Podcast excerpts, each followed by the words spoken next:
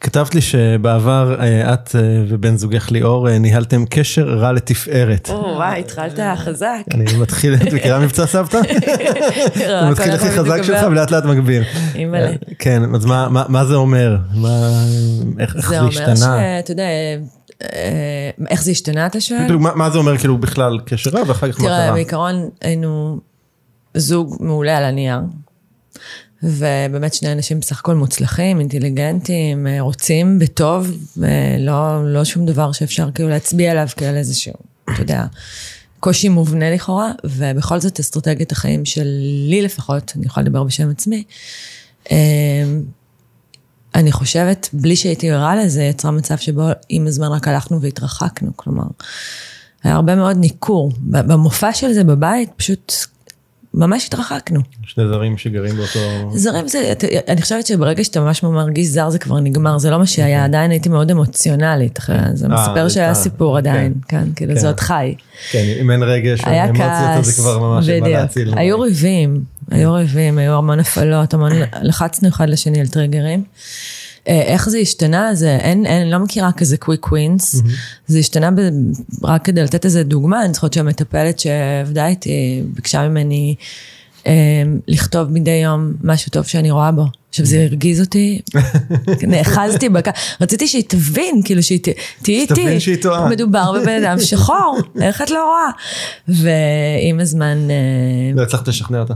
לא, לא, הייתה מאוד, אה, מאוד אסרטיבית, ועם הזמן אני התחלתי לראות לעצמי גם, זאת אומרת לראות מה, עד כמה יש מה, אדם מלא מולי, way, לראות גם לעצמי איפה אני בלי לשים לב מייצרת, איזה פיסה בי מייצרת את הניכור שמתחולל בחיים שלנו, אז כן, זה עבר שלי, ואני גם... לקחת אחריות בעצם על זה. אין דרך אחרת, לא מכירה אחרת.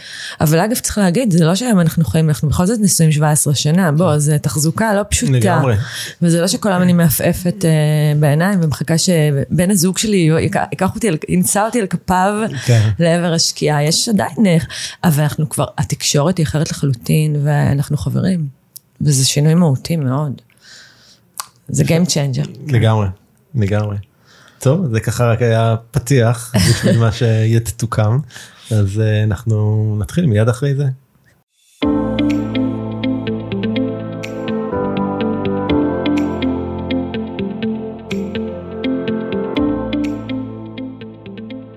הדבר היחידי הקבוע הוא שינוי. ובכל זאת, אנשים רבים חוששים ונמנעים מלעשות שינויים בחייהם. השינוי מוציא אותנו מחוץ לאזורי הנוחות ואל עבר חוסר הוודאות שלרוב מפחיד אותנו מאוד. ובכל זאת, ישנם אנשים שמוכנים להתמסר לתהליכי השינוי, ולא רק לשנות, אלא בעיקר להשתנות, ולהמציא את עצמם שוב ושוב מחדש. בפודקאסט עושים שינוי, תוכלו לשמוע את האנשים שמשחקים all in ועושים את מה שצריך, במקום את מה שנוח, כדי לחיות חיים מלאים ובעלי משמעות. בכל שיחה אנו צוללים לעומק התהליכים הפנימיים שהם עוברים, הטריגרים שמפעילים אותם, הפחדים והחששות, ההצלחות, הכישלונות, הפעולות שהם עושים וההתפתחות שהם עוברים. בכל שבוע תוכלו לשמוע את ערן שטרן ברעיונות מרתקים ומעוררי השראה עם אנשים שהפכו את השינוי לדרך חיים. לפרקים נוספים בפודקאסט תיכנסו לאתר doingchange.co.il או חפשו עושים שינוי באפליקציות הפודקאסט המובילות אייטיונס, ספוטיפיי, גוגל פודקאסט ואחרות.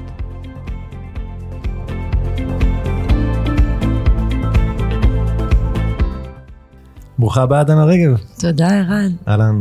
אהלן. אז דנה היא מאמנת להתפתחות אישית, מטפלת ב-rebirthing, אה, rebirthing, סליחה, יוצרת תוכן ומרצה ומנחת הפודקאסט מעלה בטוב.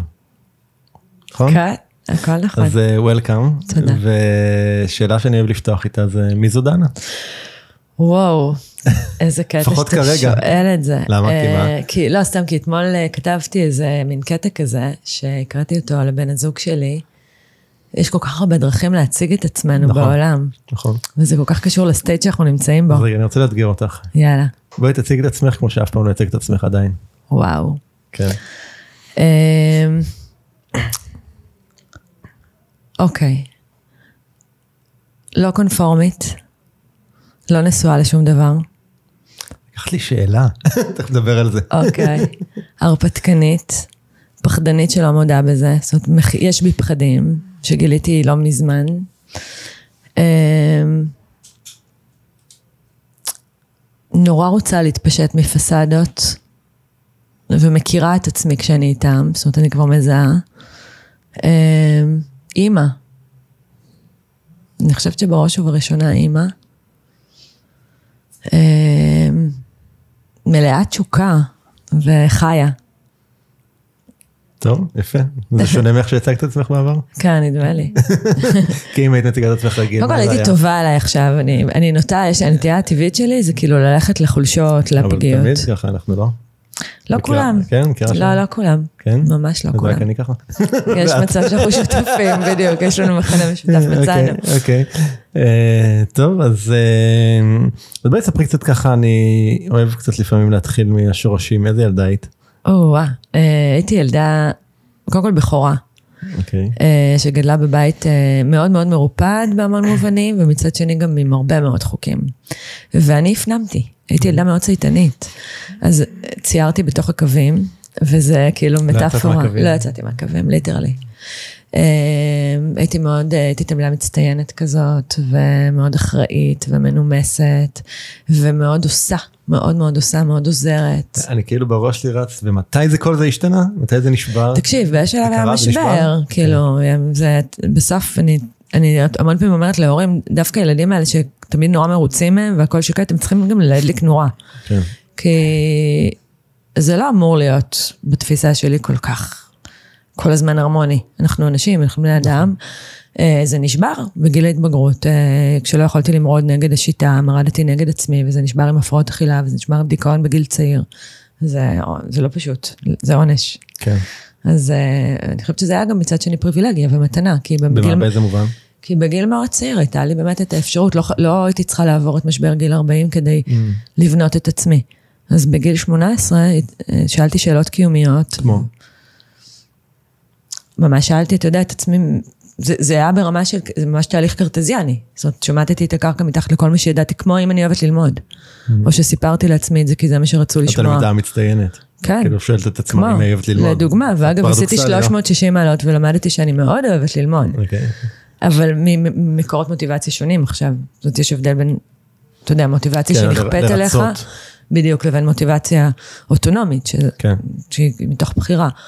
אה, כמו אם אני אוהבת ללמוד, זה היו השאלות של הגיל ההוא שהייתי בו, מן הסתם, אבל כמו מה המשמעות של החיים מבחינתי, כמו מה אני מרגישה כלפי ההורים שלי. המון שאלות אה, שבזמנו היו עבורי, כן, קיומיות. Mm. ומה גילית? מה היו התשובות? אה, הייתי צריכה, תשמע, זה באמת תהליך, אני ברוב הזמן לא, כבר, אני נורא רחוקה מזה באיזשהו מקום, ואפילו קצת קברתי את זה, כי זו תקופה אפלה, לא תקופה פשוטה ממש ככה להיות את מתייחסת כתקופה אפלה? אני שוב, אני אומרת, ברמה הרציונלית, מן הסתם, נבניתי ממנה בהמון מובנים, אבל ברור שהיא תקופה אפלה. זאת אומרת, להיות בדיכאון קליני זה, אמנם תפקדתי כחיילת מצטיינת בשנים האלה, שזה לא כזה טריוויאלי, אבל זה כואב, כואב. זה סוגר עליך, וזה, ואתה לא יודע אם תצא. ואיך את חושבת שהדיכאון הזה בגיל יחסית מאוד צעיר, כן. כאילו איך זה השפיע אחר כך על המסלול חיים שלך? היום כשאני עושה connecting the dots, אתה יודע, בדיעבד נורא קל כזה, ברור. לראות שש-שש מהגב, אז זה ברור לי שכל ההתנסויות האלה הם בעצם ה- מה שאני עושה היום, זה חלק ממי שאני, ונדמה לי שאני חוקרת בהרבה מובנים את המכניזם האנושי. אני חושבת שזה מאפשר לי להיות באמת במקום שמצליח לראות פרספקטיבות של אנשים, להסתכל על דברים ממעוף הציפור. כן. אני אף פעם לא רואה רק, רק את עצמי. תמיד יודעת, לה, יש לי נטייה טובה ממש, כאילו, לראות את, ה, את ה mindset של האויב, במרכאות. Mm. האויב, כאילו, מה, במקרו, בין אם זה כאילו, אתה יודע, השכנים שלנו, ועד לרמת ה... מי שכרגע נהיה איתו בקונפליקט כלשהו, אני, אני מאוד מצליחה לראות את הצד השני. אני חושבת שזה גם מתקשר לעובדה ש... אמ, שבגיל צעיר, כאילו, הייתי... נשברו לי כן. תפיסות ואמונות. אז איך, אה, איך סתם, איך הסביבה הגיבה שהתחלת למרוד ב, בתפיסות המוסכמות האלה? תראה, אז את- אם אנחנו מדברים על התקופה ההיא, על המשבר הגדול הזה, אז, אז זה לא באמת היה מרד, זה היה יותר אה, שבר. Mm, אה, מרד נראה אחרת. אוקיי. מרד צועק, מרד מתלהם, לא עשיתי את זה. אוקיי. אה, זה לסביבה שלי היה מאוד קשה, ההורים שלי כאילו, אני חושבת שזה עונש בעבור הורים שהילד שלך פתאום, שבאמת הכל בסדר הילד איתו. המושלם במיוחד, כן. כן, המצטיין. כן, לא טוב לו, כאילו, כן, שבר, שבר. מטיל ספק בחיים. זה- זה עונש כבד. אז זה היה להם מאוד קשה, והם מאוד ניס, ניסו לעזור בדרכם ובכלים ש, שהיה להם, אבל זה, אני מניחה שזה שובר את כול, זאת אומרת, שמייצר גלי, אני בכלל חושבת שאנחנו נורא נורא רוצים, אה, כולנו רוצים בשינוי. לפודקאסט הזה קוראים עושים שינוי, נכון? נכון. כולנו רוצים ש... דברים השתנו, בעיקר שאחרים השתנו. בול. אני חושב שיש פה שני דברים, אחד, כולם רוצים שינוי ושאחרים ישתנו, וכולם רוצים שינוי מבלי שהם ישתנו. בדיוק. כאילו- ואני חושבת שהאמת שאתה מגלה בתהליכי שינוי, זה שיש אחד שאתה יכול לשנות אותו, זה גם לא כזה פשוט כן, וטריוויאלי. לא. האחד הזה הוא אתה. אבל כשאתה באמת עושה את זה, אתה משנה גם את האחרים סביבך. חד משמעי. זה מייצר גלי... אה, הדף, חד משמעי. לא ממקום אסטרטגי, לא כי אתה מנסה לשנות. כשאתה מנסה לשנות, אני כבר אומרת מראש, נכון, לא disclaimer, נכשלת. כן. אבל כש... מה שדיברת קודם על הקשר שלך עם בן זוגך, זה מין משהו כזה, נשמע. חד משמעית. זה, אני חושבת שזה נכון לגבי כל דבר, שההוויה שלי משתנה, אני רואה איך הילדים שלי משתנים כתוצאה כן. מזה. טוב, אז איך, אה, איך הגעת למה שאת עושה היום? תספרי מה את עושה היום ואיך הגעת לשם, מה היה המסלול קצת? Uh, טוב, הגעתי לזה לכאורה במקרה, זה כאילו הכי לא מה, מה שהיה כתוב לי במרכאות, ב, אתה יודע, בהתנבאות, כן. אם היו מסתכלים על ה-CV שלי. בכלל אני מגיעה מרקע עסקי. Mm-hmm. Uh, הצטרפתי בעברי הרחוק, ממש אחרי הצבא, הייתי עיתונאית תקופה. Uh, זה היה החלום שלי, לכתוב. נכנסתי לעולם הזה, כתבתי שנה בעיתון תל אביב של ידיעות תקשורת, מאוד אכזב אותי. למה? אתה מזהה את הציניות של העולם הזה. זאת אומרת, אני באתי בתור ילדה שבאמת אה, בטוחה שהיא כלבת השמירה של הדמוקרטיה. אה, כן? כן. ומגלה שלא. לא, אני מוכרת עיתונים קטנה ושלוחה של, יש מעליי הרבה מאוד שיקולים שאני בכלל לא, לא באמת ערה להם. עיתון שלטון בגדול, כאילו המון, אתה פשוט רואה את זה. וואלה. וזה לא, לא המחזה שנהניתי. It ain't pretty. לא, לא, ממש לא. וגם לא בא לי להיות חלק מזה. ו... ואז נסעתי בכלל לטיול של חצי שנה במרכז אמריקה, ואבא שלי חיזה אחרי, מאז שאני בכיתה ב' בערך, שאני אצטרף לעסק שלו. שהיה? אה, בתחום התיירות. ובטיול שלי במרכז אמריקה, באמת הוא כל הזמן שלח לי מין פינגים כאלה של... אה, כתבות, אב ובת בעסקים, כל מיני כאלה. כן. רמזים. כשחזרתי לארץ חיכו לי שלוש משרות, בעצם הייתי במין צומת כזאת שהייתי צריכה לקבל החלטה ביניהן, ובסופו של דבר קיבלתי החלטה להצטרף לפלטפורמה הזו שקיימת, שהיא לעשות לביתי בגדול. נכנסתי לעסק שלו, הייתי ילדה, התארים שלי לא כללו מנהל עסקים. Mm-hmm. אני יודעת גם היום להגיד ש... אגב, רוצה להגיד לך שגם אם היו כוללים מנהל עסקים, זה לא רלוונטי. מניסיוני ועל תואר שני במנהל עסקים, לא למדתי שום דבר שבאמת נתן לי משהו בעל ערך לעסקים. כן. אני תמיד אומרת שהפרקטיקה הכי טובה היא כן, פשוט לעשות. נכון, זה החיים. ונכנסתי פשוט לעסק בתור, וגם הייתי כזה, תחשוב, ילדה. אה, והרבה פעמים, אני אומרת את זה גם לאנשים שמגייסים אנשים שאתה יודע, מסתכלים, יש לך ניסיון, אין לך ניסיון, ניסיון זה בעיניי הדבר הכי נכון. פחות רלוונטי. מסכים לגמרי. זאת אומרת, אם אתה פתוח ללמידה ואתה מוטיבייטד, להפך, לפעמים ניסיון נכון. עומד בעוכרינו. נכון. כי אנחנו באים ממה שהיה או שיהיה. בדיוק. ואני חושבת שזה מה שעשיתי, באתי בתור ילדה הזאת שרואה המלך הוא עירום, וראיתי כל הזמן המלך הוא עירום פה, והמלך הוא עירום פה, ועשיתי המון שינויים, הייתי סוכנת שינוי בתוך... וזה לא יצר קונפליקטים עם אבא? אז תקשיב, זה מצחיק, לא, אבא שלי דווקא נתן לי קר בלאנץ', הוא היה ממש, אה, ידע לעבוד, אה, היינו צוות טוב. היו הרבה גם אה, כחיכוכים ומחלוקות, אבל היינו צוות טוב. אבל בתוך החברה, שתחשוב שמגיעה פתאום הבת של... כן, הצעירה. צעירה. היא לא יודעת איך הדברים מתנהלים פה. נורא נחמדה ונורא מנומסת ומתחילה מלמטה ואף פעם לא רבה ולא צועקת ולא מבזה ולא, ממש. וכל הזמן מזיזה את הגבינה. עכשיו, אני לא הבנתי למה לא נורא מחבבים אותי, זאת אומרת, אני באתי לעשות. טוב. ואגב, העסק תוך שלוש שנים גדל ב-100 אחוז. זה לא טריוויאלי, הכפלנו את עצמנו. כן. הכנסתי שינויים, הייתי ממש כל הזמן ברמת, זה היה תחילת אינטרנט, הכנסתי אתר אינטרנט ומועדון לקוחות, והכנסתי כבר וידאו לתוך האינטרנט, למרות שהיינו ממש רק, אתה יודע, זה היה בחיתוליו הנושא הזה, ו, ויצרתי מדדי שירות וסקרי שביעות רצון, ו... ובאמת, איפה שלא נגעתי, עשיתי פרוטוקול של תהליכי עבודה, זה דברים שלא למדתי. ויצרתי תוכנה, תוכנה שעובדת עם אוטומציות, כאילו, ייעודית לתוך ה... לארגון. ולא לא, לא הייתי חביבת הקהל, וזה היה מאוד לא פשוט. Mm. זאת אומרת, החוויה הזאת של אתה עושה, מתאמץ, משנה, at, at the end of the day, אתה לא זוכה ל-acknowledgement, הוא כן. כן מגיע במספרים, אבל לא באיזה חיבה מיותרת. אה, עבדתי שם הרבה, אגב, גם פה עברתי תהליכים, ומן הסתם, עם הזמן למדתי גם אה, אה, למצוא את דרכי ללב האנשים, אני רוצה להאמין. אה, אחרי 13 שנה של הרבה מאוד עשייה ועבודה משותפת, אה, מיזם שיצרתי, שגם הוא היה קצת, אני חושבת, סוג של אתגור, אוקיי? של... יצר באז מאוד גדול בענף, סופי, זה היה סופי שבוע לוורשה, ואז בעצם הגיעה הצעת רכישה, ואני אמרתי, הידד. וגם זה הייתה, היה תהליך לא פשוט, וואו. כי אבא שלי מאוד מאוד רוצה שאני אמשיך למנכ"לות, ו, וראה בי, רצה מאוד להמשיך, ואני בעצם אה, ויתרתי. זה הביא לך שתמשיכי ומכרת לו את העסק. תראה, אני, המשפט שהלכתי איתו, זה היה, אה, מכרתי את ה baby של אבא שלי וקניתי את חירותי. Mm. זאת הייתה החוויה שלי, אבל לא באמת ידעתי מה אני הולכת לעשות. אני חושב אבל שיש פה משהו בעיניי מאוד... אה...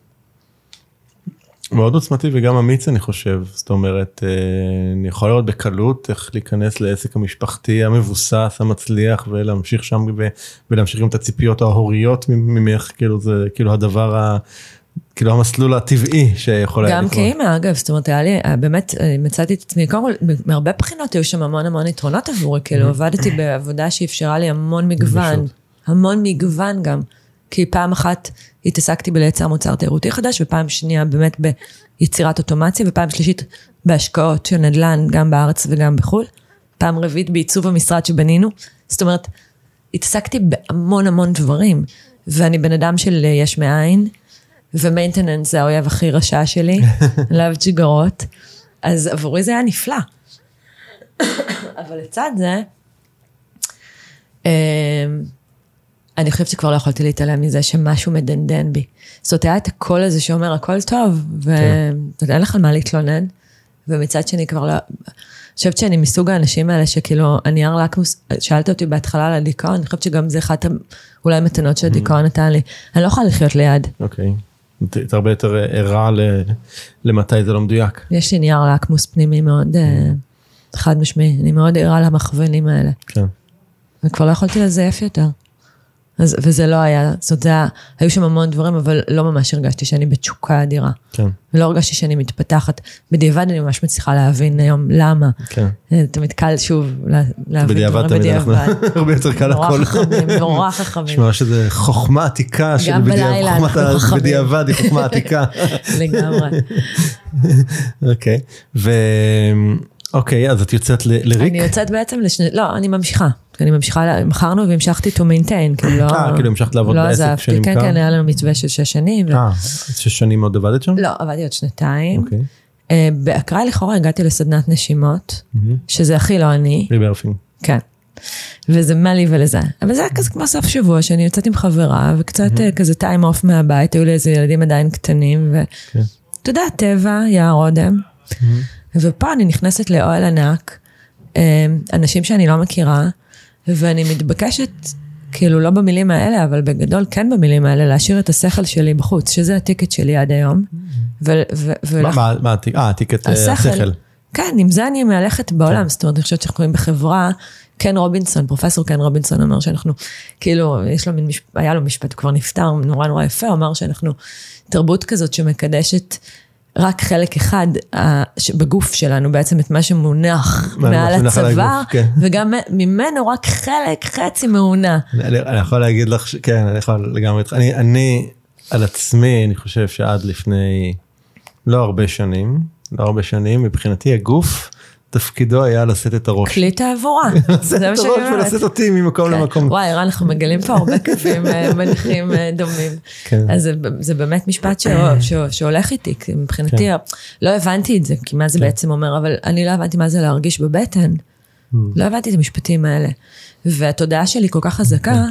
שהיא רודנית, ויכולתי גם, אני חושבת שהרבה, בהרבה מובנים גם לא יכולתי להקשיב, לא באמת הסימנים של הגוף או האיתותים של הגוף, לא, לא הייתי ערה להם. בכלל, אם יש גוף, הוא, כדי שאני אהנדס אותו כן. באופן שבו לשיטתי הוא אמור להיראות, לנוע, כן. כמות השעות שינה שלי הייתה מאוד מועטה, זאת אומרת, הוא צריך להספיק המון. עשיתי המון המון אה, ממש הכנעות, כן. לא מודעות, כדי להשיג דלבור, תפוקה, כל מה ש... כל מה ש... אתה יודע, מה שצריך להוכיח. ברור. ו... ואז אני מאוד יכול מגיעה, להיות, כאילו, ממש, אתה מתחבר. לחתום על, כאילו, אם אתה מביא עכשיו הייתי חותם פה, על פה כל ופה. מילה, כן, על כל מילה לגמרי. ואז מוכן גם לשרוף את זה, ו... אה, לא, כאילו ככה הייתי, כן, ממש כן, ממש ככה הייתי אני. כזה, כן. ואז בעצם אני מגיעה למרחב שהוא הכי לא כזה, זאת אומרת, בעצם מבקשים ממני במשך שלושה ימים לא לדבר, שאני ממש טובה בזה, אני יודעת אה, לנסח את עצמי ולמלל את עצמי, אני יודעת לבלבל פסיכולוגים. אה, לא, לא לחשוב יותר מדי, לנוע. אה, לא לאבד את זה, גם לא מנתחים איתי את, את הדברים שאני חווה. זאת אומרת, במשך שלושה ימים, פעם ראשונה, אני נמצאת במרחב שהוא כאילו מנטלי, אבל כזה שלא הכרתי, וואלה. שזה רק גוף. אני נ- מתבקשת, אה, אתה יודע, לשקשק את הגוף, לרקוד ריקוד חופשי, עושים לי דברים מוזרים, מכסים לי את העיניים, אני אמורה לנוע באיזשהו מרחב, פתאום להיתקל בזר, שזה גם, זה השגת גבול כן. מבחינתי, זה לא נוח לי. נשימות מעגליות, שזו טכניקה שלא הכרתי, ואני שם עוברת את הגונג של תחילת חיי החדשים. וזה נשמע כזה, אתה יודע, תמיד זה משפטים כאלה שאני יכול, יכולתי להיות נורא צינית לגביהם, אבל זה מה שקרה, אין לי דרך אחרת לתאר את זה. זה היה באמת אה, שלושה ימים שהחזירו אותי עם אה, חוויה של אה, מעכשיו, כלום כבר לא יראה אותו דבר, ולא ידעתי מה הולך להיות. אבל ראיתי לי, עברתי תהליך כאילו עם תובנות מטורפות שבחיים לא חשבתי שאני אגיע אליהן באמצעות הגוף. ביני לבין עצמי, כשאני לא מאבדת את זה עם אף אחד. וחזרתי בשקט שלא הכרתי, כי השכל שלי נוטה לתזזיתיות יתר. over כאילו, אתה יודע, הוא, הוא over talkative. כן, over אה, analyzing. כל הזמן כאילו במחשבות, באסטרטגיות, בתכנון, ופתאום שקט, קצת מבהיל אפילו. ושם הבנתי שאני, יש המון רבדים בתוכי שעוד לא הגעתי אליהם, ושכל המסעות התיירותיים שאני עושה בעולם, מפספסים מסע תיירותי נורא נורא מעניין. אולי זה- חשוב ביותר. זה לא תיירות חוץ, וזה גם לא תיירות פנים, זה תיירות לתוך. כן. וזה מסע שאני עדיין מהלכת בתוכו. לפני כמה שנים זה היה? אה, שש שנים, שש שנים. כן. אז מה מה קורה מאז ואיך זה, ולאן זה אז אני אותך? חוזרת ואני מבינה שאני עוזבת את החברה. זאת אומרת, אני מבינה שלא משנה, כאילו, אני מבחינתי בעולם שלי, אה, אגב, צריך להגיד, דיברנו בהתחלה על ילדה צייתנית, אז גם פה במרחב הזה של היער אודם ואוהל, כן. אני חיילת סופר צייתנית, זאת אומרת, אני עושה כל מה שאומרים, בדיעבד התברר לי שהמון פעמים בתוך מדיטציות נורא קשות, נגיד מדיטציה בבוקר שאתה עושה בש... בשבע בבוקר, מדיטציות שהן מהזן של אה, ביו-אנרגטיות כאלה וכולי, אה, אנשים שפורשים כאילו אחרי, לא יודעת מה, 20 דקות או נשכבים, אני עשיתי, צריכים 10 דקות, רבע שעה עכשיו לקפוץ על אה, עק, עקבים עם ידיים מורמות ולצעוק, זה מה שאני עושה. כן. ואני, ואני עם כיסוי עיניים ו- את לא רואה מקום מסביב. אני לא רואה מקום מסביב, אבל מבחינתי זה מה אז מה, את שעושים. מגלה שאת היחידה שקופצת את בשביל... אה, מתברר בדיעבד, אני לא יודעת אם אני יחידה, אבל שהדפוסים, אגב, דפוסים, הדפוסים שלנו הולכים איתנו לכל מקום, נכון. ואפשר לראות אותם בכל אופן, ואתה יודע, אין כאן, זה לא בעבודה את ככה, בזוגיות את אחרת, ואילו כשעושים מדיטציה, זה אותו אדם. כן. אז אפשר היה לראות את הכמה אני נוקשה כלפי עצמי. מצד שני גם הישגית, גם בעלת, אה, אתה יודע, יכולות, מסוגלות, חוויית מסוגלות, אה, כל הדברים האלה אפשר היה לראות כבר אה, בהתנהלות שלי עם הגוף שלי. כשאני חוזרת הביתה, אני קודם כל מבינה, אני חושבת שבנשימות פעם ראשונה ראיתי את ליאור, בן הזוג שלי, כי עד אותו רגע לא הבנתי, לא הבנתי אותו. אנחנו כל כך שונים, באמת הצלחתי למצוא את ה-180 מעלות ממני כמעט בכל דבר, ממש גאונה של הפוך. הכי לא כאילו, אתה יודע, תסביך אדיפוס, כן. הפוך, כזה, הכי רחוק ממה שאני מכירה. ו... ופתאום ראיתי אותו, הבנתי, הבנתי, הבנתי למה הוא פועל כמו שהוא פועל. הצלחתי לראות משהו שעד אותו רגע לא ראיתי, וחזרתי עם לב פתוח. וזה מושגים שאני לא מכירה, כאילו, ב... ודיברנו, כשחזרתי הביתה דיברנו המון, התחבקנו כאילו איזה שבע דקות ודיברנו המון, וידעתי שאני עוזבת את החברה, שאני באה ממסורת של אם אין לך פלן בי, אז כאילו, כן, ברור. אם אין לך את המטרה הבאה, אז כאילו... כן, לא נכון, אז כן, כאילו את זה תישאר. במה שיש, תישאר על קרקע. ושם הבנתי שאני כל כך הישרדותית, כשאין שום סיבה, זאת אומרת, ההישרדות שלי כבר יציבה, בטוחה, הבטחתי אותה, ועדיין אני מתנהלת בצורה כזו שאני אפילו לא מבינה שמשאירה אותי הישרדותית, כי להיות במקום שלא טוב לך בו, לא מגדיל את הפוטנציאל לאופק המיטיב. להפך. אז, הוא, אז, אז הבנתי שאני צריכה לעזוב, שלא טוב לי זה מספיק טוב, גם אם אין לי פלן בי, כדי לא להיות שם יותר. כן. ואז הודעתי שאני עוזבת. כמובן שנערכתי לזה והסמכתי ועשיתי את זה כמו שצריך, אבל בעצם זה היה הדבר הראשון, זה היה נורא נסיבתי. אבל כאן התחיל כבר, אתה יודע, התפתחות זה משהו שהרבה פעמים אנשים לא יודעים.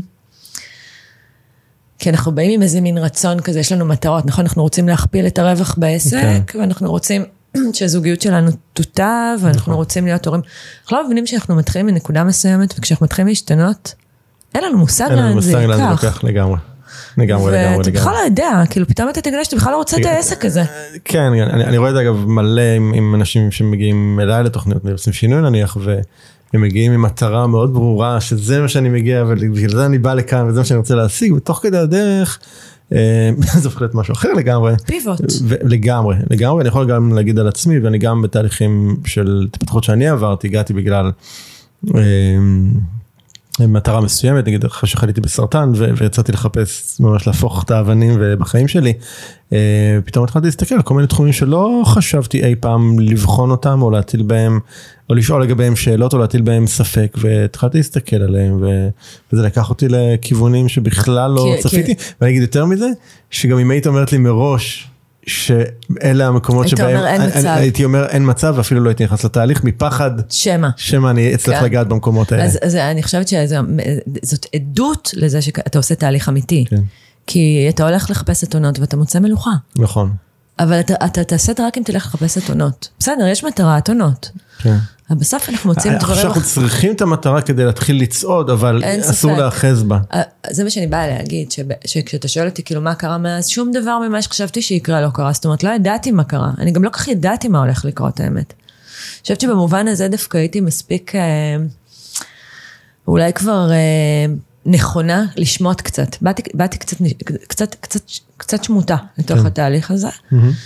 אה, אבל שוב, אתה יודע, אם היית אומר לי לצורך העניין שאני אה, אתעסק בעולמות שאני מתעסקת בהם, הייתי כנראה אומרת לך, לא, לא, אז לא. אז בוא לא נעשה את ההתפתחות כן. הזאת. כן. כי היו לי מחשבות מאוד שליליות על ה... נגיד, על הרבה, על, על הרבה מהתארים שאני נושאת היום. כמו מה? מה את נתנו לנו? נגיד אימון, היה לי כן. ממש אה, אג'נדה שלמה לגבי אימון, זה מבחינתי הוא פסיכולוגים, וואנאבי.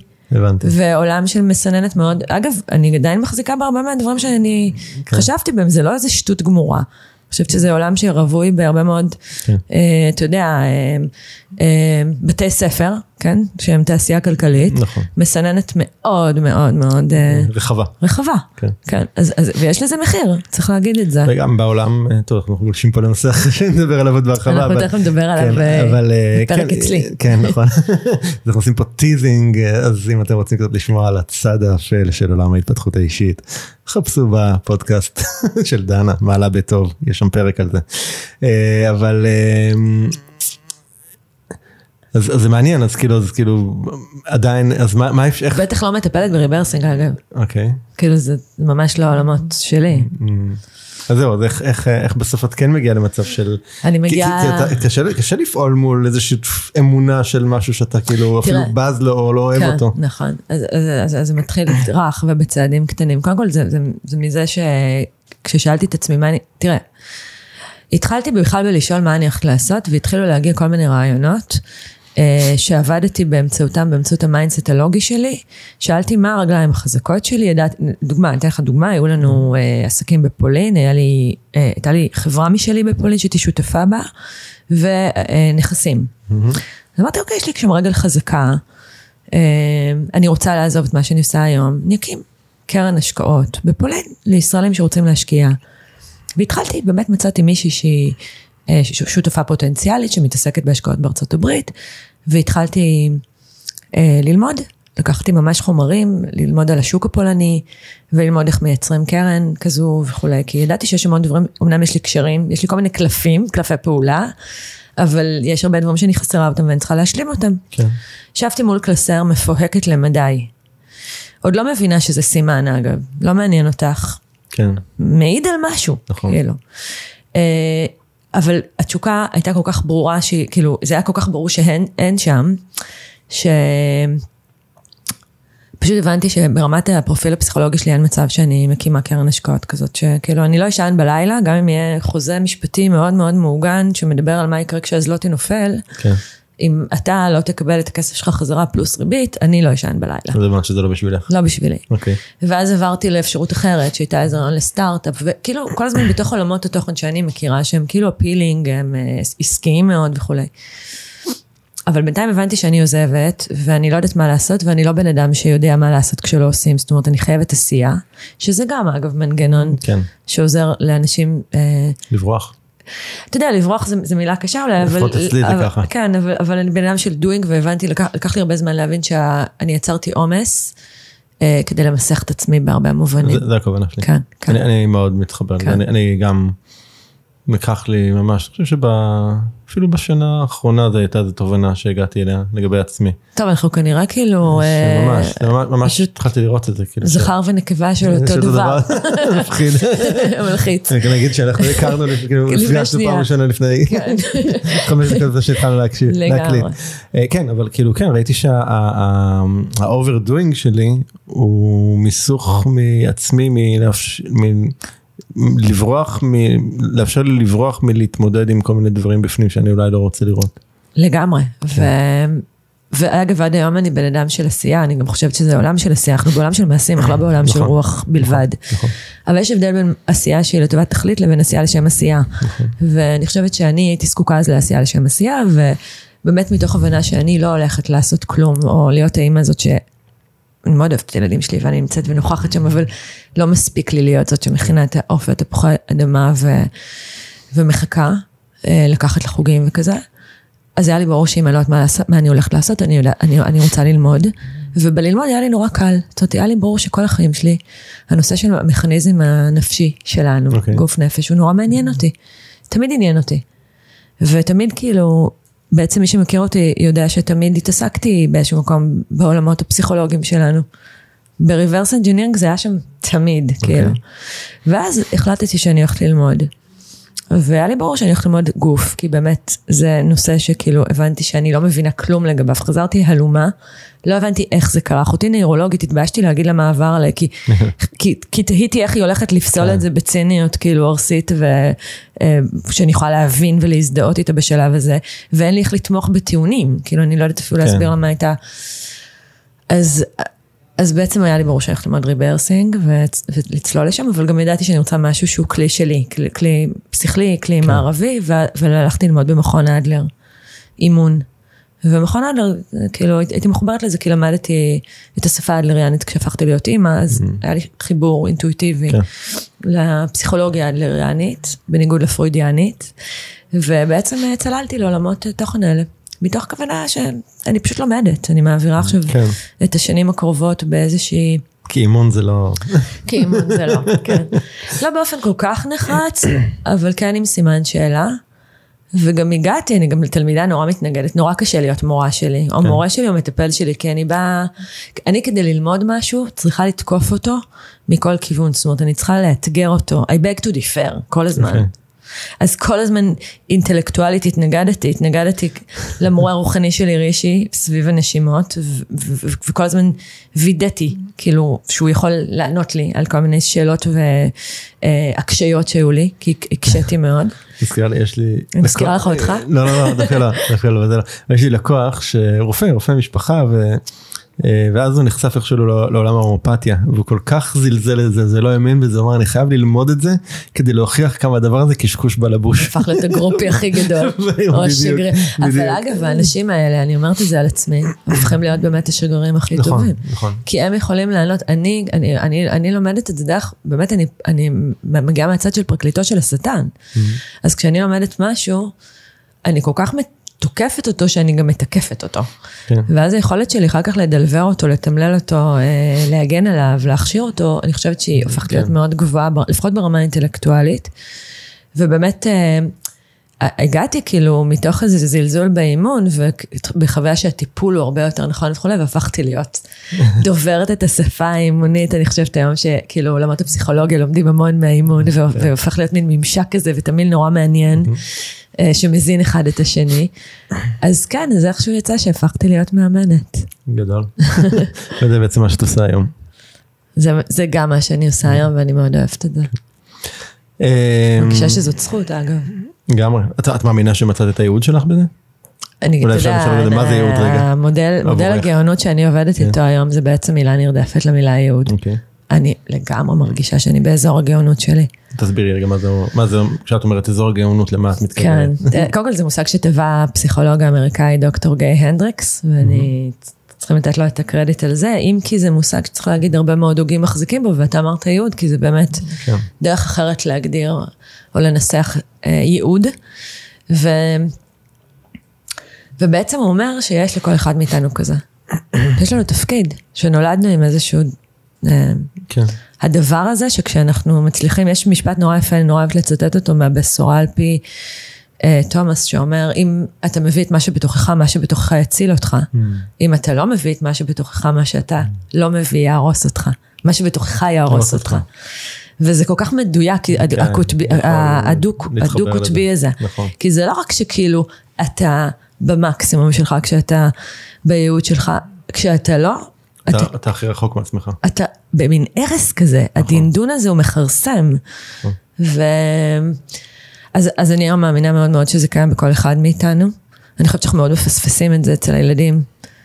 מאוד פספסו את זה אצלנו, כי אנחנו לא שואלים שאלות שקשורות בתשוקה. אין, אין לגיטימציה לשיחה הזאת בכלל. תראה, היא הולכת ומתרחבת היום לגיטימציה, ואני אגיד שלדעתי, בעידן הזה, אה, שאנחנו הולכים לכיוון עולם של מכונות אוטומציות, שכבר אנחנו בעולם פוסט אנושי, כאילו פוסט תעשייתי, אה, לא יהיה ברירה אלא זה, זה, זה, לא, זה אפילו לא יהיה פריבילגי, אלא למצוא, זה יהיה ציווי על האדם המודרני, למצוא את הקבוע היחיד בתוכו, ולהביא את הכי יצירתי שלו, כי היום בהיותנו פחות טובים מרובוטים בלהיות רובוטים, okay. כן. נאלץ להיות הכי טובים באנושיות, כי, mm-hmm. כי, כי זה הדבר הכי, היחיד שיש לנו להציע, ואנושיות היא יצירתיות, סקרנות, למידה, בתפיסה שלי גאונות, אז אני מאמינה שאנחנו נרחיב את היכולת שלנו לטפח את זה בילדים שלנו ובעצמנו, אבל אנחנו לא גדלנו ככה בוודאות. לגמרי. זאת אומרת, אף אחד לא שאל אותנו מה התפקיד שלנו, ש... או, מה, או מה, איפה התשוקה שלנו. נמצאת אגב רק כדי להגיד, מה, הגאונות היא בעצם המפגש בין שלושה מעגלי תוכן, היכולות שלנו, התשוקה שלנו והתרומה שלנו לעולם. כן. אה, אז שאלו אותנו מה התרומה שלנו לעולם, כלומר, איזה ערך אתה מביא את זה, שאלו אותך, כאילו, אתה, איך אתה כמהנדס, איך אני כ... אני לא יודע אם שאלו יותר, הראו, עבורי לפחות, הראו לי איזשהו, כאילו... מדדו את זה. כאילו, כן, מדדו, אבל כאילו, הראו לאן אני צריך להגיע, או מה נחשב, או מה מקובל, ברור. כזה. אז, כן. אז מצד אחד זה בדיוק, מה, מה, מה יביא אותך להתפרנס הכי טוב, מה יביא אותך למעמד הכי גבוה. מה ייתן לך ביטחון נכון, כלכלי, תעסוקתי. נכון. זו, זה, זה ומה, וגם להזכירה, זאת אומרת, איך אנחנו נוכל למצב את עצמנו הכי גבוה בסולם החברתי. נכון. שזה עוד נושא, כי אנחנו חיים ב... קורים שקופים של היררכיה. כן. קשה, תחרות קופית, אנחנו בעולם מאוד קופי. אה, ובעצם הגאונות מנסה להגיד משהו מאוד הפוך, בכמה, ברמה פרדיגמטית. אחד, כולם שווים באמת, שזו אמירה נשמעת חצי רומנטית. כן. יכול להיות שאכן כזאת, היום אני ממש מאמינה בזה, שבבסיס אנחנו באמת נולדים שווים. והדבר השני זה שבכל אחד מאיתנו יש את האפשרות אם רק נבין מה זה הדבר, לטפח בעצמנו משהו שבו אנחנו לא רק טובים, לא רק נתפרנס, ולא רק נצליח, אה, אתה יודע, להיחשב, אלא גם ממש נרגיש בפנים את התשוקה הפנימית הזאת, את הבעירה, את הלהט. שזה החוליה החסרה בעצם, הדבר הזה שאנחנו עפים ממנו. סוג של אורגזמה מנטלית, אני קוראת לזה. אז uh, אני כזה קצת שכחתי מה הייתה השאלה, איך הגעתי לשם, כי שאלת אותי איך אני מרגישה שאני בייעוד שלי, אוקיי. קודם כל זה תמיד מתכתב עם איזה חור, נכון? כאילו הדבר הזה, השליחות, אני מרגישה שזה מתכתב עם איזה... מה הכוונה בחור? הפצע הזה שלי, את שאלת אותי על הדיכאון כן. בהתחלה, כן? אה, אה, את מדברת על משהו מעבר כן, כן, כן, זה כאילו הולך עם איזה משהו שכזה היה חיכוך כזה שלא... אני חושב, אני ממש, אני באמת מאמין שהרבה מהאתגרים שאנחנו חווים ומתמודדים איתם ונניח פותרים, עוברים, לא משנה, זה בשלב הראשון אנחנו כאילו פתרנו עבורנו משהו, אבל בשלב הרחב יותר, בגבוה יותר, אנחנו גם מביאים פתרונות שאנחנו יכולים אחר כך, לשור, יכולים סלש צריכים סלש רוצים לשרשר אותם אחר כך גם למסור. לאחרים. אז בדיוק זה, זאת אומרת, החוויה כן. שלי, אני תמיד אומרת, כאילו, אם אני הייתי בצד אחד של הגדה, והצלחתי לעבור לצד השני, וכאילו, אתה יודע, to, to overcome את כל התנינים, והמכשולים, והאבנים, והמים, והרפידים, ווטאבר שהנהר הזה שעומד לפניי מציע, אז את הגשר הזה אני רוצה למסור. כן. זה מין שליחות כזאת, אז אני חושבת שזאת חוויה שאני מאוד מאוד חווה אותה, כי לי יש חוויה שאפשר לחיות יותר טוב. לא הולכת למכור כאן סיפורי אה, בובי מייסס, ממש לא אושר אה, מתמיד, ולא happiness and joy כאילו forever. את מה, את לא, את לא חיה חיים מושלמים אה, כאלה שמצטלמים טוב בפייסבוק? כן, זהו, אני לא. לא. אני לא הצלחתי.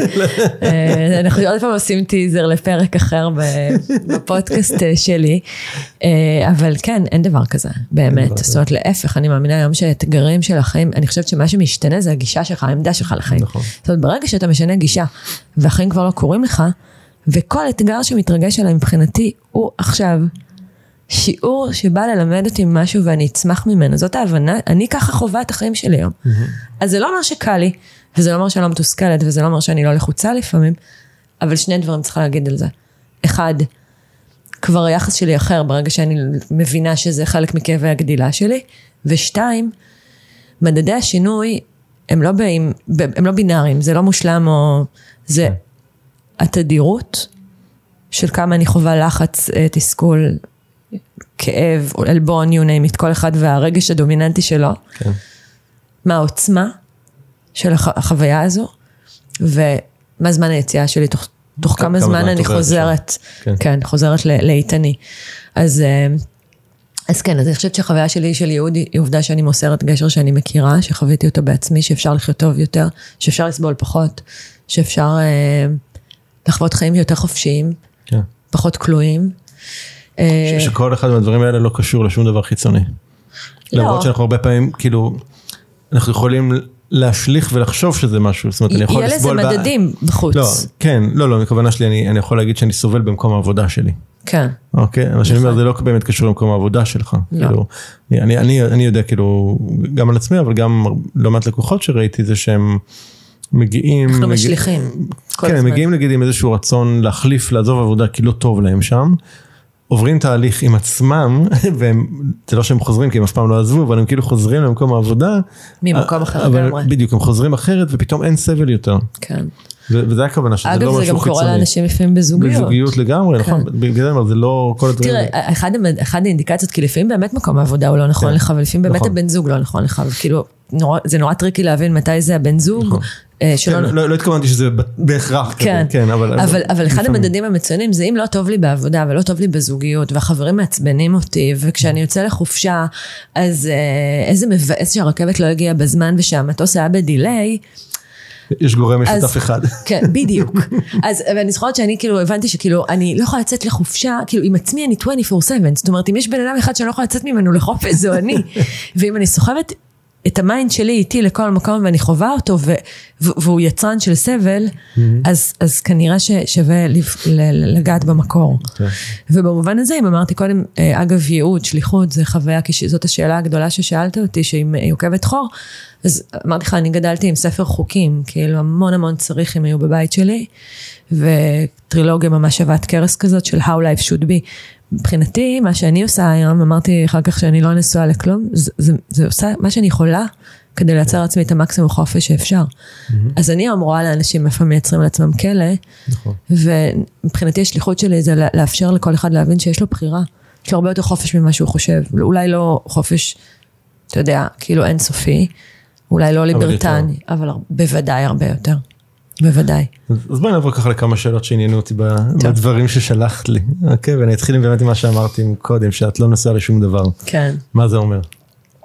למה את לא נשואה? זה, אגב, יש לזה גם אה, המון downsides, כן? זה נשמע כזה, כאילו אני מתגאה בזה, זה גם נורא קשה לחיות ככה. אני לא נשואה לרעיונות, לתיאוריות, למודלים, בטח לא לאנשים, מעולם לא הרצתי אף בן אדם, אוקיי. או אין לי גורו, אני גם נגד התרבות הזו.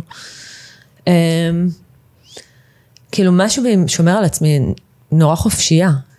יש בזה גם הרבה, זה קצת לוקח לעבד של בשבי זינגר, כי חופש ו... וזקוק לגבולות, זאת אומרת, כן. אתה לא יכול להיות חופשי לא, באופן מוחלט. בתוך גבולות מאפשרים לנו חופש. רק, כן. אתה חייב, אתה חייב, יש את המשל הזה על גג עזריאלי, כן? נכון, תיקח אופנה, נכון, אם, נכון. אם אין חומה, אנחנו משותקים. נכון. וכשיש חומה, אנחנו כנראה נרכב בהיקף של המגדל. נכון. אז... אני באה להגיד שזה מזין אחד את השני, אז אני, אני לא באמת מדברת במושגים שלא נשואה לכלום, כי עובדה שאני נשואה גם בתעודת זהות, ואני אימא לילדים, ואני כן מחויבת, ואני מחויבת ללקוחות שלי, ו... אבל אני באה להגיד שאני בעצם משתדלת לשמור על מידה, או אני, או, או אני חושבת שבבסיס שלי יש סימן שאלה אחד גדול מעל כמעט הכל. Mm-hmm. מה שאני לומדת בשנים האחרונות, זה שאנחנו נורא נורא נוטים אה, להתחתן מהר עם כל מיני... אה, במרכאות ידיעות, כאילו אנחנו בטוחים שאנחנו יודעים המון המון דברים, שבתכלס הם אמונות, והדבר היחיד שאנחנו כן באמת יכולים לדעת, בו אנחנו מפקפקים.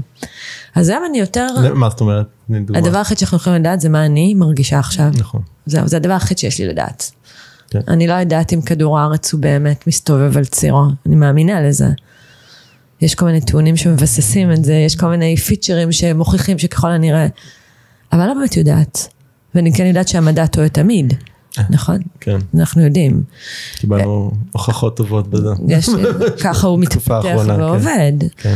אה, פעם חשבו שהכדור הארץ הוא נכון. מסתובב, השמש מסתובבת סביב כדור הארץ, זאת אומרת, זה היה ברור וידוע, נכון. ורצו להעמיד על המוקד את מי שאמר אחרת. אז, אז במובן הזה אנחנו לא ממש יודעים כלום, אבל את מה שאנחנו מרגישים אנחנו יודעים כל הזמן, ובזה אנחנו מפקפקים. כי אנחנו חושבים שמישהו שלמד ועשה 17 תארים והוא קורא נקרא מדען, בטוח יודע יותר טוב מאיתנו. גם וגם שהוא... כי למדנו לא באמת לשמוע את האיתותים הפנימיים כן. האלה, אנחנו קצת אה, לא שומעים כבר, אנחנו טיפה חרשים כן. לידיעות האלה. אוקיי. אז למה, איזה, תני, בוא ננסה רגע לראות לפרקטיקה של מה זה אומר לחיות כשאת לא נשואה לשום דבר, איך זה, כן. תני לי דוגמאות מהחיי יום יום שלך, של דברים שאת לא, נס, שרוב האנשים אולי נשואים להם ושאת לא נשואה להם. שוב, אמרתי, בחלק הקשה של זה, זה לדוגמה סתם, ניקח דוגמת קורונה, mm. אפשר היה לראות בקלות נחצים כאן שני מחנות. נכון. אני יודעת שאני לא יודעת.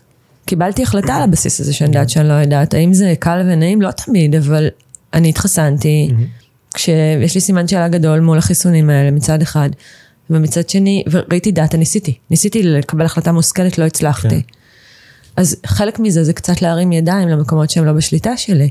דוגמה, mm-hmm. הנה כן. נתתי דוגמה להחלטה שעשיתי שהיא דיפולטית. Mm-hmm. ולא מנסה להצדיק אותה, ואני לא נלחמת, ואני לא נגד, ואני לא בעד, כן. ואני... אז זה, זה, זה בצד הפסיבי של הדברים נגיד. אבל אולי בצד היותר אקטיבי, אמ, זה שאני ייסע עם חבר לסיני כאילו, mm-hmm. למרות שהוא בן ויש, ואני נשואה. כן. סתם דוגמה של פיצ'ר, כאילו okay. אוקיי. מהמציאות איך זה נראה.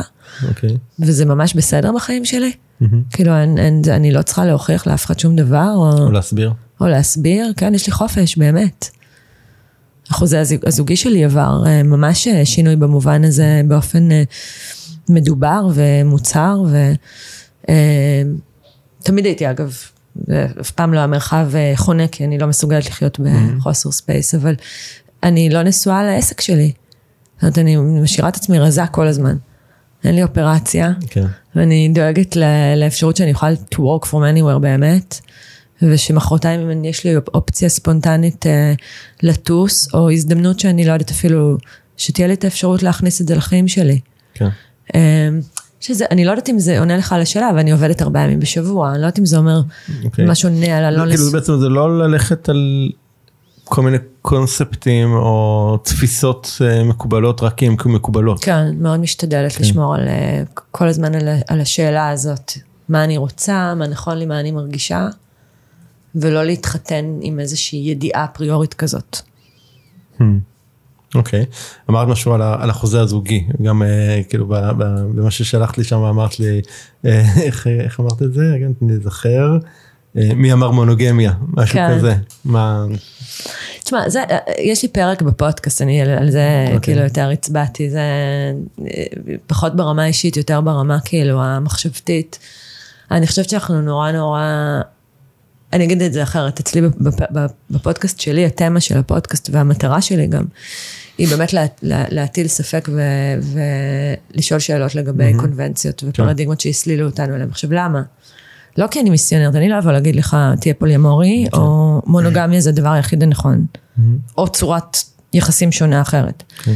אבל אני באה להתחיל לשאול שאלות, האמנם, מי אמר, שאיפה זה כתוב, איפה זה נכון. התחיל. מונוגמיה לא התחילה, אגב, עם אה, תחילת האנושות, מתברר. לא, זה קונספט די חדש יחסית. קונספט די חדש, מיוחס לאפיפיור אה, גריגוריוס הראשון, יש לזה סיבה מאוד טובה, הוא היה מעדיף אגב שנתנזר כליל. הרע במיעוטו מבחינתו זה אישה אחת, אז כאילו זה, זה רעיון נוצרי אפילו, גם לא יהודי אגב, ביהוד, ביהודי אה, לגברים היו כמה נשים. שלמה המלך ואלף נשותיו, לא? כן, גם. ברוב התרבויות אגב, כן, נכון. יש גם תרבויות הפוכות, מעטות כאלה, שבהן אישה החזיקה בכמה גברים. וואלה. אה, אבל, אבל, אבל עצם העובדה שמתחילים לשאול את השאלה הזאת ולהסתכל על ההיסטוריה ולהסתכל על הטבע ולבדוק מה קורה אצל בממלכת היונקים וכולי, זה כבר מעביר אותנו לספירה אחרת מחשבתית. ואני בתור, אה, כאילו אישה שחיה פה בעולם, יכולה להגיד לך שהקונספט הזה של לחיות עם, אה, בזוגיות אחת כל החיים, נורא הלחיץ אותי כשהתחתנתי. ממש ממש הלחיץ אותי, זאת אומרת, ניסיתי להבין איך זה אמור, כאילו זה נראה לי קצת לא הגיוני.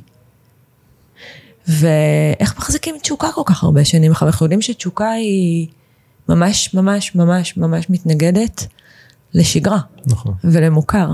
כלומר, זה לא אומר שאי אפשר לאהוב, כן, לאורך זמן, זה בוודאי ש- שכן. שפה יש לנו המון התניות ותפיסות שזה אם, אם, אם זה לא מונוגמי אז כאילו זה אומר שהפסקת לאהוב את בן הבת הזוג שלך. כן, זה כל- כל- תפיסות כל שלנו, התפיסות. וזה לא נכון, אני יכולה להפך להעמיק את האהבה שלי לבן זוג שלי ככל שהזמן עוקף.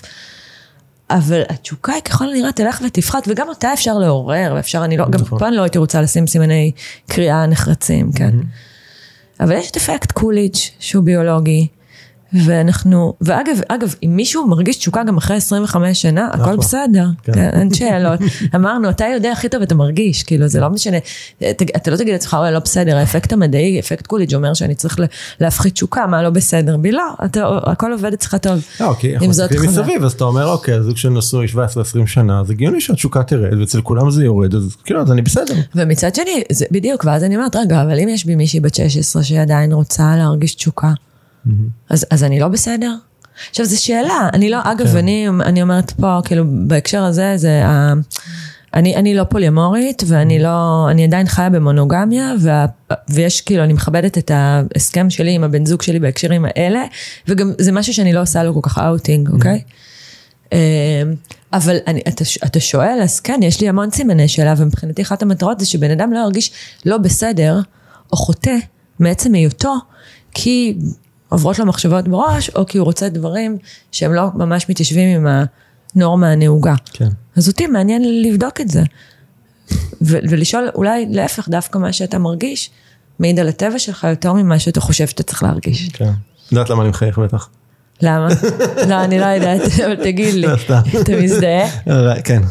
לא, כי, באמת אחת ה... אני, אני התגרשתי לפני קצת יותר משנתיים ואני בקשר חדש ודי מתחילת הקשר שלנו אה, השאלה הזאת של מה אנחנו, האם הקשר שלנו הוא מונוגמי או לא מונוגמי, שאלה פתוחה ועומדת. והבנו שאנחנו לא רוצים לשים לעצמנו שום הגדרה של לא בצד אחד מונוגמים ולא בצד שני פוליומורים, ו- ואז אנחנו משחקים עם זה כאילו בלי נטולי נטולי הגדרה אה, כן. של מה זה ו- ובודקים את זה, ובודקים חוקרים. איפה, וחוקרים ובודקים איפה הגבולות שלנו ו- ו- וקרה לנו שעברנו גבול שלנו ואז חזרנו והתכנסנו ואנחנו בודקים מחדש כאילו שחשבים מסלול מחדש. זאת אומרת אני חושב שהתנועה הזאת היא עבורי לפחות ואני לא אומר שזה הדבר הנכון וככה צריך לחיות כל אחד צריך לחיות איך שהוא בוחר לחיות אבל אני חושב שבאמת המקום הזה שאתה מתנתק רגע מהגדרות שהן לא שלך. אני חושב שהוא מאוד מאוד בריא. כשאתה מתאר את זה, אני שומעת אהבה באמת. Mm. כי, כאילו, יש יותר מזה בתפיסה שלי? לא. כאילו, שאתה יודע, שאתה יודע, יש, זה מן, סתם זה תמיד קלישאות הן שחוקות וזה, אבל when you love someone, set him free, נכון. כאילו. אז כשאתה יודע שבת הזוג שלך חופשייה להיות הבן אדם שהיא, ואתה תכבד את הצרכים שלה, ואם זה לא יתאים, אתה גם תכבד אותך. כן. ואתה תציף את זה ותדבר, והיא תקשיב לזה ותתכנסו ותיפגשו. במקום הזה בעיניי, בני זוג באמת בוחרים אחד בשני. כן. במקום הכפוי הזה של כי אסור, נכון. לא, לא מתרשמת מי זה, לד- סורי. אני חושב שבמקום הזה הכפוי, sooner or later משהו יקרה. בסוף אנחנו הרי מכירים את הסטטיסטיקות, נכון? אף אחד לא בוגד חוץ מבסטטיסטיקות, 60-70 אחוז, אז בוא, כאילו. אה, כן, ו... המציאות, אגב, אה, שהוא קורה אגב זה לאו דווקא חייב להיות בגידה, זה יכול להיות גם משבר כזה או אחר, זה יכול להיות עניין בריאותי, יש המון, אה, כמו שאמרת, גוף מדבר, יש המון המון המון. המון אה, אה, סימנים והמון אירועים חיצוניים שקורים כשאנחנו בעצם נמצאים בוויתור על עצמנו. חד משמעית, ומבחינתי מה שאותי מעניין זה להגיד לאנשים שסביבי, כולל לעצמי כל הזמן, יש לנו תשובות בתוכנו ויש הרבה יותר מאפשרות אחת, כן. כאילו, זה, זה הכל. עכשיו, איזה? בוא תבחר. כן. אין לי ספר חוקים להציע לך, אני שורפת את ספרי החוקים. לא רוצה להגיד לך, תקום בחמש בבוקר רובין שרמה, לא אוהבת את זה, זה רעיל בעיניי, כי אולי אתה ינשוף כמוני. חמש בבוקר תעיר אותי, גמרת עליי. לכוך כל היום. אז, אבל, אבל בוא, תבח... בוא תבדוק מה כן, מה אתה, כזה. זהו, שאני חושב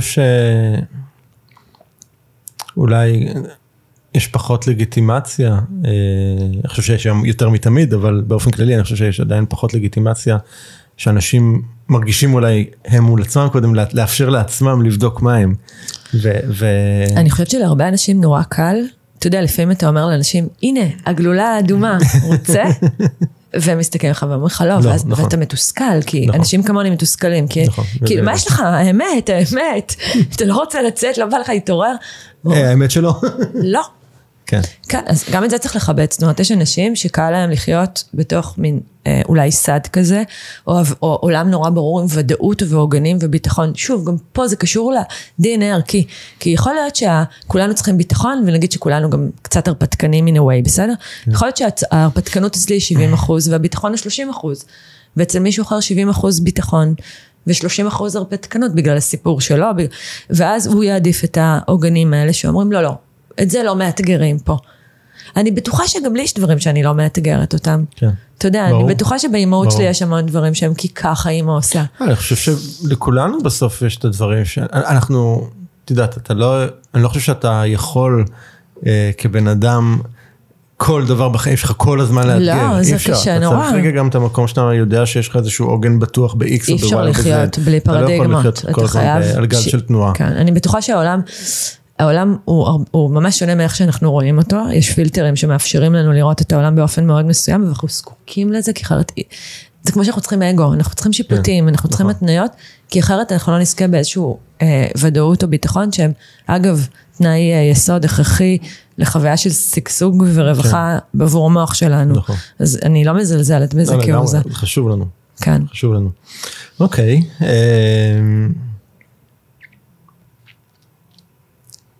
דיברת קודם על מה שאמרת שאת לא עושה לו אאוטינג, אני שוקל. לא עושה. אה, יש כמה צדדים בסיפור אה, הזה. אה, כן, אה, לא, אני שוקל לאן להמשיך כי יש עוד כמה דברים שכתבת לי שאני תוהה אם לעשות להם אאוטינג אבל אה, אפשר לנסות ואם תרצי לערוך אז אנחנו פשוט נחתוך בעריכה אוקיי? כתבת שלאחרונה התנסית בפסיכדליה. אה, אוקיי, כן, לא. לא, אני הולכת לגמרי אפשר לדבר על זה. כן. יאללה. אבל זה נורא חשוב לי להגיד disclaimer. מהמם, זה כן. ממש לא המלצה, וכאילו, הכי לא... כן. עם הרבה מאוד, אה, אתה יודע, אני עשיתי, זו בחירה שלי, אה, דורש משנה זהירות, חומר סופר פוטנטי, פוטנטי זה אומר שהוא בעל פוטנציאל אדיר להיטיב, אבל גם באותה מידה להפיל. אז, אז אני יכולה לדבר על ההתנסות שלי, אבל אין, אין מאחוריה שום המלצה. אני, אני אגיד אה, גם שאני חושב שיש המון מקרים שאנשים מתנסים בחומרים האלה ב... ב setting מאוד מאוד מאוד מאוד לא מתאים, קרי מסיבות או כל מיני אה, חברויות או כל מיני דברים מהסוג הזה וזה יכול להיות מאוד מאוד מאוד מאוד ואגב, מסוכן. חומרים שהם לא יודעים מה יש בהם, שגם את זה נכון, צריך להגיד. נכון, זאת אומרת, זה נכון. גם הסט וגם ה setting וגם באמת המקור של החומרים, והעובדה שזה לא חוקי בחלק מה... ברוב המדינות היום, יש נכון. כמה מדינות שזה כן חוקי, ואפשר לעשות אגב... יש גם איזה רנסאנס כזה שקורה, יש הרבה מאוד נכון. מחקרים ש- ש- שגם גם בישראל אגב מוק- מוקמים, היה לי פרק בפודקאסט עם אה, אה, דוקטור קרן צרפתי שמובילה את המחקרים האלה בישראל, באישור משרד הבריאות, וכבר היום מוקמים חמישה מרכזים טיפוליים אה, עם חומרים פסיכדליים, כי יש בחומרים האלה גם הרבה הרבה הרבה מאוד טוב, שוב, כשעושים אותם ב... זה נמצא בחזית המחקר, כן. בעולם הפסיכיאט- הפסיכיאטרי והפסיכולוגי, היום יודעים להגיד שה... אה, התרופות הפסיכיאטריות נגד דיכאון וחרדה נמצאו לא לא. אפקטיביות, כן. זה פלצבו, והן משרתות תעשייה, אגב, גם הפסיכדליה יכולה בקלות רבה ליפול לתוך איזושהי תעשייה כלכלית, כבר קורה, כן, לגמרי. אז גם פה שווה שנשים סימני שאלה ונהיה זהירים בהסתכלות שלנו, אבל תשאל אותי, כן. מה מעניין אז, אז אותך? בוא נדבר על, אז שוב, אז רגע שמנו את ה disclaimer, אבל בואו נדבר על, ה, על. על, אולי נתחיל באחד מה, מה גרם לך רצון בכלל להיכנס לעולם הזה, ושתיים, אה, קצת על החוויה שלך. אה, כן, בוא נתחיל עם זה. יאללה, וואו, טוב, באמת, אני, אתה, אני פעם ראשונה מדברת על זה. אה, קודם כל, מה גרם לי? אז אני כאילו ילדה טובה כזאת, צייתנית, שלא. נוגעת בשום דבר, סמים זה ממש מפחיד אותי. אגב, אחד השערים שעשיתי בעיתון שעבדתי בו היה כשה-MDMA הגיע לארץ. והשער MDMA בתל אביב, ואני דיברתי עם הפסיכיאטר המחוזי, ויכולתי לצטט לך את מה שקשור לתחלואה ותחלואה כפו- כפ- אה, כפולה, ו... ובאמת אה, פוטנציאל כאילו להרס ול... אז עם זה אני הולכת, עם כל התפיסות עולם האלה שאומרות be fucking careful, כאילו. אני מבחינתי, Watch it. אני מבחינתי ב, באיך שזה הוטבע בי, לא היה שום הבדל בין חומר פסיכדלים מסוימים לבין קוקאין או הירואין, מבחינתי זה היה אותו דבר. אותו דבר מקשה כן. אחת, אגב גם שמו את זה בפקודת הסמים, נכון. ביחד, עטפו את זה יפה ביחד. נכון. אה, וכשהתחלתי לחקור את העולמות האלה וגיליתי שוואלה, יש פה משהו שהוא שונה לחלוטין. קודם כל, אנחנו מדברים על, אני אדבר על עצמי, כאילו פטריה היא מהטבע, אה, לא שזה אומר, כן, גם פטריה מהטבע יכולה להרעיל נכון. ולהרוג. אה, אבל זה לא מסונתז, זה לא חומר שכאילו נעשה באיזושהי מעבדה, זה... אה, ובאמת, כמו שאמרתי, כאילו, הקיבעון שלי היה כאילו לא, ואגב, גם שוב, דיברנו על זה כאן, אני, וואי, אתה פה, אני מתפשטת פה, ערן, אני, שאפו עליך. למה באנו? כן, ממש, אני כאילו פרוקה, אני יותר פרוקה, אה, חשופית. אה, אמרנו דיכאון, הפרעות אכילה, אז צריך להגיד, נורא נורא נורא פחדתי גם לערער את הקרקע שאני יושבת, עומדת עליה, זאת אומרת, יש איזה מין איום כזה כן. ש... וזהו, וגיל 40, משבר גנרי כזה, כמו שצריך, משבר מצמח בעצם, זה לא בדיוק משבר. אה, וכמו שאתה מבין, אני מתחילה לשאול כל מיני שאלות, ולשמוט כל מיני, אתה יודע, אה, אדמות שאני כאילו מהלכת עליהן. ובין השאר, בתוך המחקר הזה, כי היום אני תופסת את עצמי כסוג של חוקרת תודעה, אני מתחילה להיכנס לעולם שהוא במסגרת הניסיון הזה, כאילו לצאת מהמטריקס, או להתעורר, או לראות, לנסות לראות את האמת. ברור לי שאני לא אדע אותה, כן. לא אראה אותה עד יום מותי. אבל יש איזה מין כמיהה כזאת, אני חושבת שזאת הכמיהה הכי בסיסית בי. להבין את חקר הדברים, אני כאילו הולך לפיזיקה קוונטית כדי לנסות להבין את זה, ולפילוסופיה של הלשון, ו- ולפסיכדליה, זה מבחינתי כל מיני כן. דרכים, קדיחות שבהם זה מאפשר לנו רגע לעזוב את הפילטרים ש- שמאפ- ש- שמכריחים אותנו לראות את המציאות באופן נורא מסוים. אז פסיכדליה היא ממש דרך מצוינת, כאילו, היא גלולה אדומה. והתחלתי לחקור את זה, בשנה האחרונה זה הגיע אליי עול באמת מכל כיוון כן. אפשרי. וזה נשמע כמו חוויה נורא מעניינת. נורא נורא מעניינת, מאוד רוחנית, מאוד מיסטית. ואמרתי לך, כבר רמזתי על זה, אני מאמינה היום שאנחנו באמת נולדים שווים. אני מאמינה היום באחדות בודהיסטית, שזה קצת מוזר. חוויתי אותה לרגעים, כאילו זה לא קורה כל הזמן. אה, אני מאמינה שאנחנו לא נפרדים באמת, אני מאמינה שאנחנו תצורה אה, של אותו דבר, אנחנו מחוברים באמת, אני מאמינה שהעולם מתרחב ומתכווץ כל הזמן, אנחנו נראה את זה ביקומים שמתרחבים ומתכווצים לתוך עצמם, ו- ובחוויות שלנו אפילו, אגו, פירוד, תחושות שבטיות וקהילתיות של אחדות וכולי. והפסיכדליה נורא נורא מביאה את זה. אה, אז אני, שוב, עם כל הדיסקליימרים שעשינו, החלטתי שאני כבר מספיק גדולה כדי להסתכן, ודאגתי לעשות את זה כמובן ב setting מאוד מבוקר, טיפולי, אה, לבד, כאילו כזה, כן. ממש לא... אה, וחוויתי את החוויה הכי מטורפת שחוויתי מעודי. כן. ממש, כאילו על סף הקצת מבהילה גם. אתה רוצה לשמוע מה חוויתי? זה יישמע קצת מוזר. אם אה, יש דברים, אם משהו שבא לך לשתף. כן. אה, זה, זה מוזר בעבור בן אדם אתאיסטי כמוני, אבל החוויה שלי הייתה שאני הייתי בסוג של יראת קדושה מול הבריאה.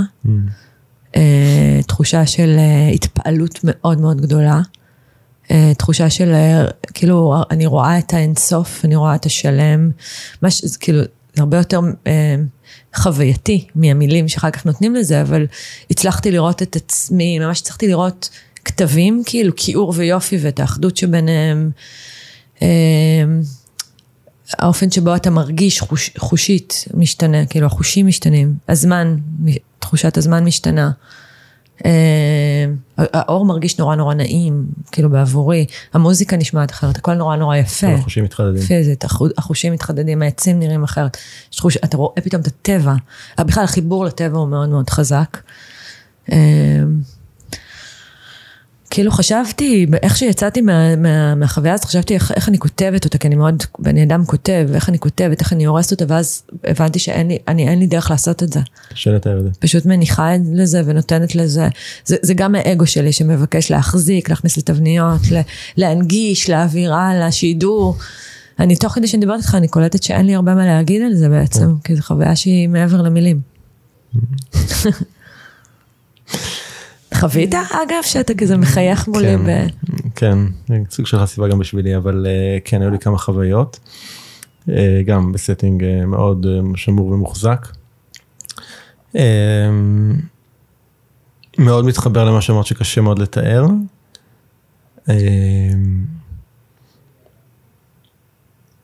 אצלי חלק, חלק מהחוויות היו חוויות של פירוק מבנים מחשבתיים מנטליים, כן, זה בדיוק המשפט שיושבים אצלי כן. בראש, זאת אומרת, מעולה. יכולתי לראות כל מיני דפוסים שאני פועל על פיהם ולאן הם לוקחים אותי, ויכולתי לראות את הנקודות כשל שלי במקומות האלה. אה, יכולתי לראות צדדים אפלים באישיות שלי ואיך הם באים לידי ביטוי. אה, חוויות מאוד מאוד משמעותיות, אולי הכי משמעותיות שחוויתי בחיים.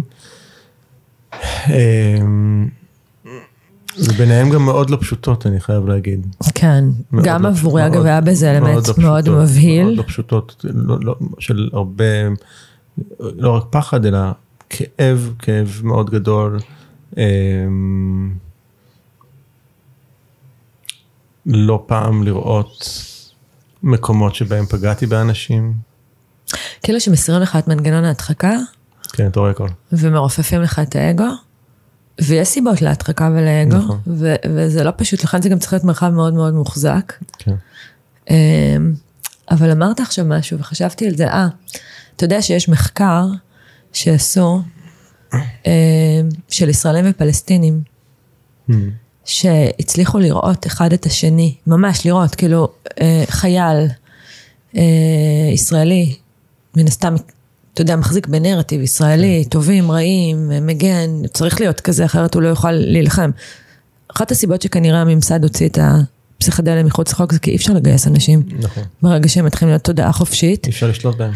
אי אפשר, בדיוק. אי אפשר לשלוט בהם. ו- וזה כלי. זה מה שאגב הפחיד מאוד את ניקסון אז בתקופות השנות ה-60 של ההיפים וכל התנועה. מלחמת וייטנאם ותרבות הנגד. בדיוק, זה, זה מאוד שמאוד הפחיד ומשם בא כל העניין של פקודת הסמים שעד היום, שכל העולם מתיישר על פיה, שבעצם הוציא את החומרים הפסיכדליים מחוץ לחוק ובאותה תקופה היו עשרות מחקרים. עם תוצאות מדהימות בעולם הפסיכולוגיה והטיפול. וצריך להגיד שהאנושות השתמשה בזה מאז ומעולם נכון. ככל הנראה, זאת אומרת בכל שבט ובכל אה, תרבות נכון. יש אה, איזשהו שימוש אה, כזה או אחר בחומרים נכון. בזן הזה. אגב, יש מי שאומר שאנחנו התפתחנו, יש גם מודל שאומר שהתפתחנו להיות בני אדם עם יכולת שפתית מתוך כן, פסיכדליה. הקופים שהיינו לפני כן היו אוכלים את הפטריות מתוך הגללים שהם גדלו עליהם. כן. נכון, והתופעה הפסיכדלית הזאת שמאפשרת סינסטזיה, שזה בעצם עירוב חושי, יכלה לייצר שפה שזה מצלול קולי שלתוכו אנחנו יוצקים משמעות. אה, אבל, אבל זה שוב, זה מודל הסברי לא מוכח וכולי, אבל נורא מעניין. אה, אז בעצם אותו חייל שעבר כזה סשן והצליח לראות את עצמו שוב פורץ לבית משפחה פלסטינית, רואה את כל הסיטואציה, אבל הפעם מהעיניים של המשפחה. וואו, איזה פוטנציאל יש לדבר הזה. זאת אומרת, אני מאמינה, אני שוב לא קוראת לאנשים לעשות, אבל בכלל לא משנה איך תגיע לזה, לחופש מחשבתי. לא משנה אם זה דרך פסיכדליה או דרך תהליך פנימי. כשאתה חופשי מחשבתית, היכולת שלך לפגוע באחר, בתפיסה שלי, הולכת ופוחתת, וזה לא כי אומרים לך תספור עד עשר, או תתנהג יפה. כן. את, החוויית חיים שלך היא אחרת. אז במובן הזה זה סופר מרתק בעיניי. כן, אני חושב שזה אחד התחומים... אה... גם מחקרית היום שהם באמת זוכים לזה סוג של רנסאנס וגם מבחינת אה, יוצאים המון המון המון כתבות ורעיונות כאילו ממש רואים את זה כמעט מכל עבר כרגע. ו- ואני כן חשוב להגיד עוד פעם חבר'ה זה מאוד תחום מאוד מאוד מאוד מאוד מסוכן להיות בו. אמ, זה לגמרי לא לבעלי לב חלש, וזה לב חלש במובן החוסן הפנימי. לא, צריך להגיד חד משמעית, זה פשוט לא חוקי. כן. ו... אבל מעבר לעניין הלא חוקי. ועדיף כן. עדיף לא, זאת אומרת ההמלצה הגורפת היא, אלא אם כן. מעבר לעניין הלא חוקי שהוא ברור, כן. אני אומר כאילו גם, גם אה, נפשית יכולת להיות פה נזקים לאנשים ויש, וצריך כאילו מאוד להיזהר בעולמות האלה. אה, מסכימה. עשית קורס צניחה בנמביה. נמיביה. נמיביה, סליחה. כן. אבל אה, הוא עלה 13 דולר, אז כאילו... לא הקורס, לא, הקורס לא עלה 13 דולר. אה, כל אוקיי. צניחה עלתה 13 דולר. וככה זה גם הרגיש. לא, זהו, בדיוק, רציתי כן. לשאול אם זה לא מפחיד. אוי, זה סיפור מצחיק, אתה באמת רוצה להיכנס לזה? אני לא יודע אם שווה. למה? בוא נצא עכשיו מה למה שהסיפור הזה תשמע. אתה יודע מה, אולי נציג את זה דרך השינוי ש... אוקיי. אני עבדתי אז בעיתון, היה לי חבר נורא נורא טוב, חבר נורא נורא טוב שלי עד היום. Uh, הוא, הוא כאילו, הוא מצחיק, הוא חמוד כזה, הוא הפוך, הוא לא, הוא, הוא, הוא, הוא כאילו הפוך מגאוותן, אז נורא נורא לא נעים לו עם זה שהוא טייס, הוא טייס. זה okay. כאילו, זה נורא, הוא נורא מצניע את זה. ובתקופה הזאת הוא היה טייס באנגולה. ויום אחד הוא מתקשר אליי ואומר לי, בוא נעשה חופשה ביחד. ואמרתי, יאללה. ואז אמרתי, בא לי זנזיבר, ואני נורא אהבתי את קו המשווה, וראיתי את עצמי עם איזה פרי טרופי, בטן גב. זנזיבר נשמע לי כמו יעד טוב, שעוד לא הייתי בו. ואז אחרי שבועיים, והוא אומר כן, וזה, ודיברנו שנדבר ונזכור, ואז אחרי שבועיים הוא מתקשר ואומר לי, תשמעי, דנה, יש מקום אחר, מגניב לגמרי, זה כמו זנזיבר, אבל זה לא זנזיבר, זה נקרא סוואקופמונד, זה עיירה קטנה על האוקיינוס בנמיביה, אני אעשה שם קורס צניחה ואת תעשי בטן גב כמו זנזיבר. סבבה, זורמת. הייתי אז צעירה, בת 20 וטורפת את החיים, להזכירך לפני כן, הם כאילו נמנעו ממני למשך שנתיים, טורפת את החיים באמת, ומאוד הרפתקנית אז, ואתה יודע, נטולת מחויבות, זה גם גיל נהדר, כאילו. כן. ואמרתי, יאללה, בכיף. והזמנתי כרטיסים, שוב להזכירך, אבא שלי הוא בא מתחום התיירות, טסה לווינטוק, לא יודעת בכלל איפה זה, מה זה. נוחתת. אותו חבר אפילו לא חיכה לי בשדה, מתברר שהוא כאילו לא הספיק להגיע, לא משנה, זה עוד סיפור. מגיעה לעיירה הזאת עם מזוודה שכולה בגדי קיץ, flip flops, ואני בדרך לזנזיבר הנמיבית. לשל, פספסתי את האימייל שהוא שלח לי ממש לפני שטסתי, שהעיירה נמצאת על הזרם הקר של האוקיינוס, לכן קר שם. קיצור, ממש לא מדובר בזנזיבר, אין שם בכלל facilities כאלה, זה לא עיירת חוף, זה פשוט עיירת צניחה חופשית. וואלה. מגיעה, הכי בזרימה, אה, הוא הביא עוד חבר שהכרתי אותו, שגם הפך לחבר טוב ברבות הימים והשנים, ואני פשוט מבינה שאוקיי, אני פה, אני אצנח. עכשיו צריך להגיד כאן שני דברים. אחד, קודם כל המקום הזה שיוצא אני נגנבת מזה, כאילו זה היום, אני מרגישה שהשנים המתברגנות והממוסדות קצת הזיזו אותי משם ואני mm-hmm. טיפה חוזרת למקום הזה של לא כל כך יודעת לאן ולא כל כך יודעת מה יקרה, כן. ומוכנה טיפה יותר לזרום עם החיים ולתת להם להפתיע אותי או להוביל אותי או לקחת אותי. מצד שני יש שם גם בסיפור הזה אלמנטים ש... ששם אני חושבת שערכתי כל מיני שינויים דקים. אז התחיל קורס צניחה, באמת מאוד מגוחך. אה, בגלל שלי לא היה הרבה זמן לקחתי את הקורס המקוצר, שאומר שאתה בעצם לא באמת עובר קורס צניחה, אלא אתה אה, מפילים אותך מגובה 4,000 רגל, בהתחלה זה עם כבל שנפתח, חמש שניות יש לך, כבל נפתח, ואז אתה צריך להצניח את עצמך לתוך הקרקע. לבד. כן, אבל מה שיותר מטריף, אגב, זה שכאילו כשהוא הסבירו לי על הקרקע, אז הם אמרו שכשאני צריך לצאת מהמטוס הקטן, צסנה, אה, המטוס בנוי ככה, שאנחנו לא קופצים, אלא אנחנו צריכים לטפס לכיוון הגלגל, אה, ולהחזיק את הכנפיים. עכשיו, זה אותי, זאת אומרת, אמרתי, הכל נראה לי הגיוני, אבל איך אני באוויר יגיע מה...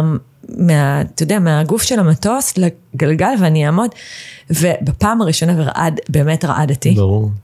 ממש רעדתי. בפעם הראשונה שעשיתי את זה, והחזקתי כבר את, את הכנף ועמדתי על גלגל, המחשבה היחידה שעברה לי, זה טוב לי פה. אני נשארת. אני רוצה להישאר, וכשאתה תנחת טייס יקר, אני ארוץ מהר מהר מהר מהר, אבל רק, רק לא לעזוב את הדבר הכי בטוח בעולם. על הכנף. על הכנף, על הגלגל. אז אה, כן, ופשוט אה, פעמיים שלוש ביום, זה מה שעשיתי, צנחתי, קפצתי. פעמיים שלוש כל יום כן, עשית את הדבר כן, הזה. כן, לא הגעתי למצב שהייתי מוכנה להשתחרר מהכבל. בדיעבד הבנתי ש... ארי, אתה עוד מחובר לכבל, כאילו למטוס. כאילו, אני, בשלב הזה. אתה יכול באיזשהו שלב, זה, נתון לך.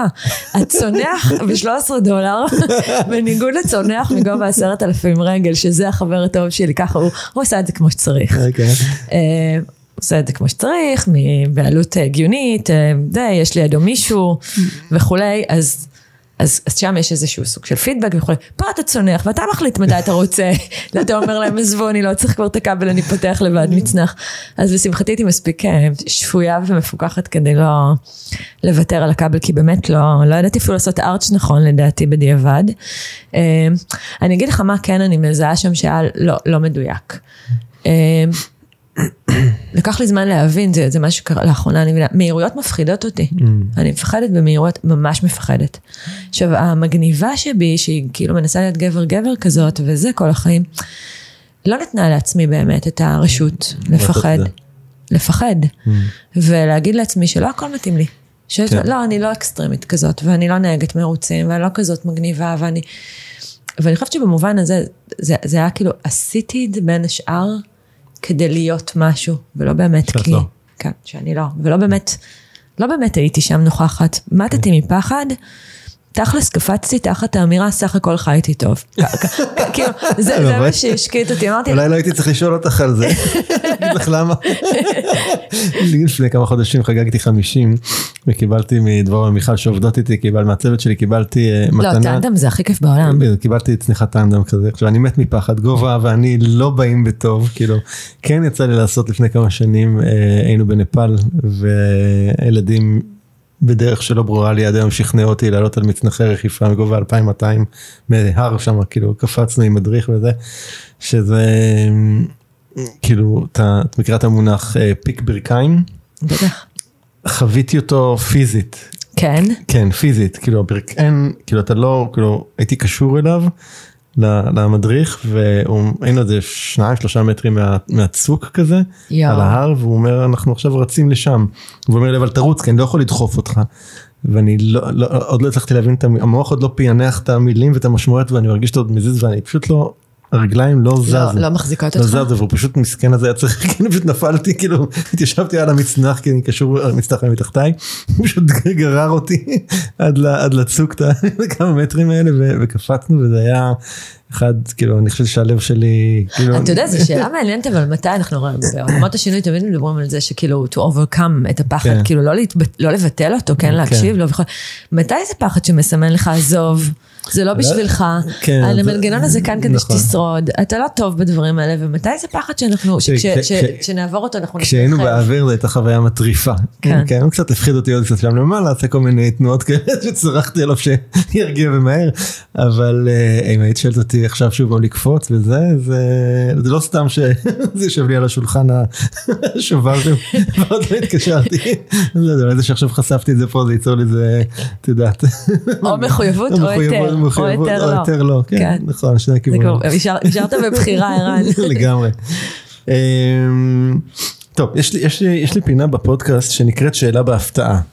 עכשיו, זה לא שהשאלות עד עכשיו ידעת עליהן, הם גם היו בהפתעה, אבל נכון. פה זה שאלה בהפתעה גם עבורי, אה, אוקיי? אה. אז יש פה ארבע חבילות קלפים, כן. את זה רגע למצלמה, ויש פה בצד אחד, אלה השאלות היותר סולידיות, אלה הטיפה יותר נועזות, עכשיו אני אגיד נועזות, הם כאילו ממה שבינתיים עוד חוויתי, הם בסדר, כאילו. לא, אבל- יש יותר נועז ממה שכבר קרה כאן, אתה רוצה אה, לא להגיד? יודע, לא, תכף נראה, אז קודם כל צריכה לבחור קו. טוב, בוא נלך לנועזות, לא, מה אנחנו... יפה.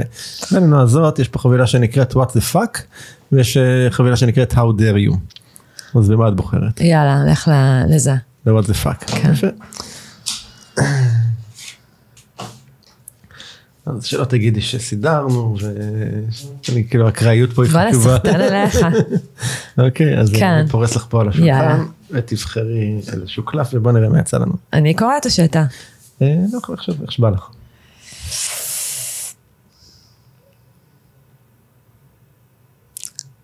אוקיי, זה לא כזאת שאלה, לא- תקרא אותה אתה, זה לא כזאת שאלה אה, משמעותית אה, לא, לתפיסתי. לא, היא לא משמעותית, האמת שהיא משעממת. נחליף? כן, תחליפי. באמת, לא, היא לא, אמרתי לך, נועזות הם לא כאלה, כן. נועזות כל כך. What gift would be awkward to receive from your boss? I don't have a boss. אה, לענות עליה? אם כאילו- בא לך או שבא לך אחרת. אחרת, כי אין לי, אין לי בוס. בוס. כן. וואי, אתה תעשה מיון אחר כך כן. של השאלות. ה- What set of items could you buy that would make the cashier the most uncomfortable? אה, איזה איזה פריטים שאם היית קונה אותם, כן. גורמים לקופאי להרגיש כן, כן, הכי. הכי לא נוח. נדמה לי שדברים שקשורים למיניות, זה תמיד מביך אותנו בעולם Mm. כן, הזה, נכון? נכון. כאילו. אבל פריטים שאני קונה, אני צריכה לענות על דברים שהם באמת... אבל שיגרמו לקופאי, לא לך. אבל זה דברים שאני באמת אה, קונה, כאילו, אני- מה- איך אני צריכה, זה הרי לא שאלה תיאורטית. איך אתה אה, מצפה שאני אענה עליה? could you buy, שאת יכולה, שיכול- אה. שהיית יכולה לקנות. אה, שיגרמו לקופאי להרגיש לא נוח. וואלה. לא יודעת, הדבר היחיד שעולה לי זה ויברטור. Mm, אני יכולה לקנות את זה. כן, אבל אה, לא יודעת- לא יודעת כמה זה יגרום לקופאי להרגיש לא נוח באמת. אם הוא עובד שם. כן, לא יודעת. אמ, כן, לא יודעת, אני מצליחה לענות על השאלה, כאילו, אני לא מצליחה יודע. להגיע למשהו יותר... אה, בעולם הצריכה אין הרבה דברים ש... Mm, אני גם לא כזאת, אה, צרכנית. לא של איזה, אתה יודע, אין לי איזה פטישים, אה, לא. קניות פחות עושה לך את זה?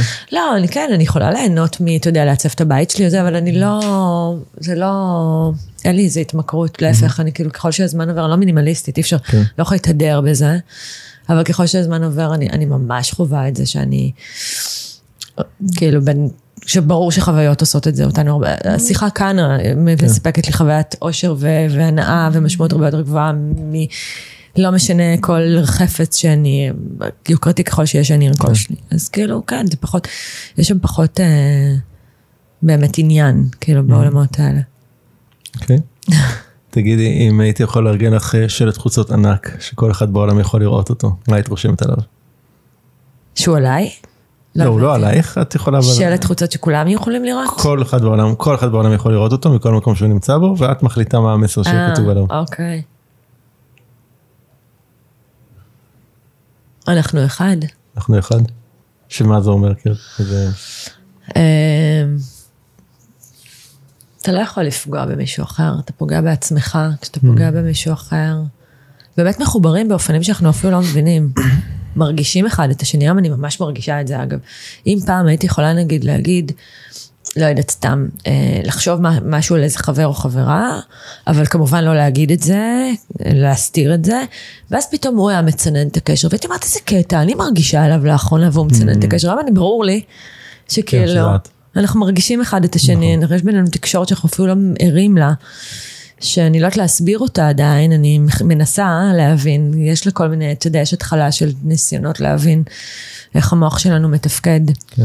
איך הזכלים שלנו עובדים בשיתוף פעולה, איך זכלים של צמחים עובדים בשיתוף פעולה, כן? כאילו אנחנו, אני, אני ממש חווה את זה היום. אמ, אז, אה, אז כן, היום אני פשוט מעדיפה להגיד את מה שאני מרגישה, כי ברור לי שאחרת מרגישים כך או אחרת. אמ, יש איזושהי שאלה שהייתי צריך לשאול אותך שעוד לא שאלתי? לא, נראה לי ש... בוא תקשיב, אתה הפשטת אותי כמו שלא התפשטתי מעולם בפומבי. טוב, יש איזושהי שאלה שהיית רוצה לשאול אותי? קודם כל אני עומדת לשאול אותך הרבה שאלות. כן. תכף. אז אנחנו נגלה שאנחנו כן. ממש מסיימים להקליט כאן ומתחילים אה, להקליט פרק נוסף. כן, אבל אני, אתה יודע, זה נשמע שאתה כאילו, מעניין אותי כאילו מה הלמה שלך בפ- בפודקאסט הזה. כי אתה ממש נכנס לנבחי. אמ, יש כמה למהים.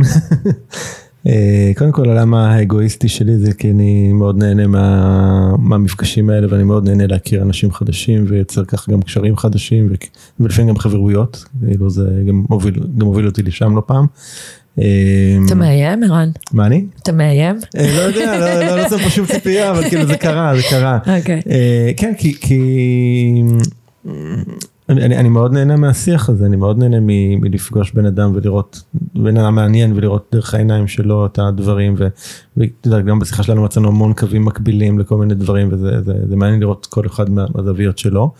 אה, אז זו סיבה אחת המאוד אנוכית, אה, ואני חושב שכאילו מה שאני מנסה להביא מתוך השיחות האלה, שאנשים שמקשיבים או צופים יקבלו מזה, זה באמת לראות ש... אין איזה שהם נוסחאות ואין איזשהו אה, אה, one size fits all. דרך אחת שמתאימה לכולם או קו אחד ישיר להצלחה וואטאבר שזה מה שזה לא יהיה אלא יש אנשים שחוקרים את עצמם וחוקרים את החיים שלהם ומתמודדים עם אתגרים ובעיות וקשיים אה, ולכן לא פעם אני גם קצת חופר על הדברים האלה כי זה, זה אני חושב חשוב להציף אותם כי, כי הם דברים שמעצבים אותנו ב, ב, ב, ב, בהבנה שלי ב- איך שאני רואה את הדברים. אה, וזה אני חושב שזה נותן הרבה השראה לאנשים לפחות בתגובות שאני מקבל מאנשים שמאזינים זה נותן להם הרבה אה, גם השראה וגם כיוונים וגם לפעמים מנרמל להם דברים שהם אה, כאילו חווים בעצמם. חווים בעצמם כן כאילו זה אני חושב שזה בגלל זה אני חושב שזה חשוב. אה, כי, כי בסופו של דבר החיים שלנו הם רק שינוי אחד ארוך ומתמשך. נכון, זה אולי החוק האלמותי הנצחי שאי אפשר... זה הדבר באמת הכי קבוע כן. בחיים שלנו זה והמוות. אה, חוץ מזה באמת שום דבר לא קבוע ולא ידוע. אז, אה, אז, אז זה פחות או יותר ככה הסיבה שאני עושה ואני חושב שכל עוד אני אמשיך ליהנות מזה אז אני אמשיך לעשות את זה כאילו. מהמם, כן. כיף גדול. תודה. טוב אז אה, דנה היה לי כיף אה, לארח אותך כאן. תודה גדולה. ואני אגיד ככה לכל מי שהאזין לנו אז אה, או צופה בנו כרגע כי אנחנו עכשיו זה הפרק השני שאנחנו גם עושים בווידאו זה ככה כל הווידאו הזה עוד חדש גם לי. אה, אז אם נהניתם אז אה, ככה אל תהיו קמצנים בואו תשתפו את הפרק הזה עם עוד אנשים שאתם חושבים שיוכלו להפיק מזה ערך ואם אתם ממש ממש רוצים לעשות טוב בעולם תפרגנו לנו באיזשהו ככה דירוג בין איזה Spotify או Apple או whatever איפה שאתם לא מאזינים ואני מאוד מקווה שהרווחנו חמישה כוכבים מכם וואו, אמן. אמן תודה ביי ביי.